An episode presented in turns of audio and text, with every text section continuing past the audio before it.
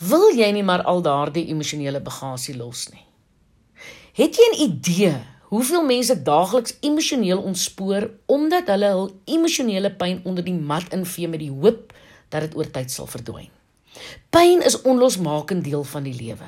Maak nie saak hoe versigtig of hoe verstandig 'n mens ook al leef nie, die een of ander tyd klop verdriet aan jou voordeur. Om emosioneel te reageer wanneer jou lewe omvergewerp word is absoluut menslik. Dit is egter wanneer hierdie gevoelens jou oorheers en begin deel word van wie jy is, dat dit tyd is om dit te laat gaan. Indien jy nie van jou emosionele bagasie ontslaa raak nie, gaan jou bagasie van jou ontslaa raak. Om pyn te laat gaan is egter ook nie so eenvoudig nie. Pyn het nie 'n kort pad nie. Jy moet daardeur. Jy moet egter erkenning gee aan jou hartseer. Daardie erkenning kan dikwels ou wonde oopkrap. Dit is egter belangrik om by die wortel van die pyn uit te kom, anders sal dit bly sweer. Mense of liewers vroue het byvoorbeeld die probleem om veral na 'n egskeiding hulle te herdefinieer. As jy voor die egskeiding Steven se vrou was, kan dit moeilik wees om jou te herwaardeer. Soms is daar ou emosionele bagasie wat jou verhinder om te glo dat jy iets anders is, dalk iets beters as Steven se vrou. Ook met die verlies van 'n geliefde kan valse skuldgevoelens jou rouproses vertraag en jou in 'n spiraal van depressie laat aftuimel. Ek wil jou vraag vra. Is ons nie almal bekend met mense wat na een of ander groot terugslag, soos 'n egskeiding of die dood van 'n geliefde herstel en met wysheid en insig 'n nuwe begin kon maak en weer gelukkig is nie. Jy sien om emosionele bagasie te los is 'n proses wat vir elkeen anders verloop. Sommige besluit doelbewus om deur die stappe te werk. Daardie stappe soos byvoorbeeld ontkenning, dan woede, onderhandeling, depressie en dan uiteindelik aanvaarding. Ai man, dit neem tyd maar dit kan verseker gedoen word. Daar is egter diegene wat professionele hulp nodig sal kry sodat hulle insig kan kry om te kan laat gaan. Daar is nuwe moontlikhede wanneer mense ophou om hulle emosionele pyn te onderdruk. As 'n mens aanvaar dat pyn deel van jou menswees is, kan jy jou pyn begin aanvaar. Dit kan egter voel asof emosionele pyn jou gaan oorweldig sou jy dit erken. Jy's om hierdie rede breuke in ene lus hierdie aanvaardingsproses af in stappe. Sy sê: "Kom tot stilstand.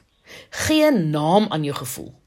Soos byvoorbeeld ek het pyn of ek is diep hartseer of ek is bitter kwaad." Die tweede stap noem sy kalmering.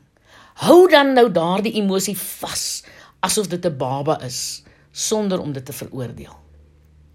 Het jy geweet dat sommige mense voel dat hulle om een of ander rede hul emosionele bagasie verdien?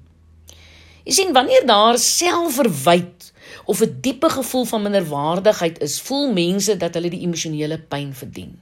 Selfs mense wat gewoonlik baie empatie met ander het, kan baie hard op hulself wees. Hulle kan goed sê soos dis my eie skuld. Hierdie geheilery moet en kry. Ruk jouself nou reg. Nee, wat dit kan help as jy die deel wat seer gekry het as jou vriendin sien. Wat sy nodig het is erkenning dat sy seer gekry het en vertroosting. Nie verwyte en skelwoorde nie. 'n Ene Helen Jagger sê: Moenie jouself veroordeel nie. Behandel jou met eerbied en liefde soos een wat deur 'n donker vallei gaan. Kyk diep en probeer insig kry in jou gevoel. Waar kom dit vandaan? Wat is al die komponente daarvan? Wanneer het ek ook so gevoel? Maak ook seker dat jy rus, Skok, pyn en smart het ook 'n fisieke uitwerking op die liggaam. Dit is fisiek uitputtend en dit benadeel die immuunstelsel. Om te laat gaan is nie 'n taak wat jy begin deurvoer en voltooi soos iets in jou dagboek se doenlysie nie. Nee man, dit is 'n proses waardeur jy keer op keer sal moet gaan en sommige van die stappe selfs meer. Dit neem nie noodwendig jou pyn weg nie, maar dit help jou om te berus en voorkom betryd. Dit is absoluut onnodig om deur jou lyding vernietig te word. Ek deel met jou 'n paar rigtingwysers geleer uit my eie pyn in my lewe. Ek het doelbewus hulle wie my onreg aangedoen het, onvoorwaardelik vergewe. God is die regter wat sal oordeel. Ek bid soos die Bybel my leer vir my vyande. Ek het ook myself vergewe vir waar ek ander te nagekom het. Ek aanvaar dat God ook die God van lewe na die dood is. En terwyl ek myself in die dal van rou smart bevind, hy daar is om my treetjie vir treetjie daardeur te help. Onthou, jy kan nie vandag saad saai en môre arms vol blomme pluk nie.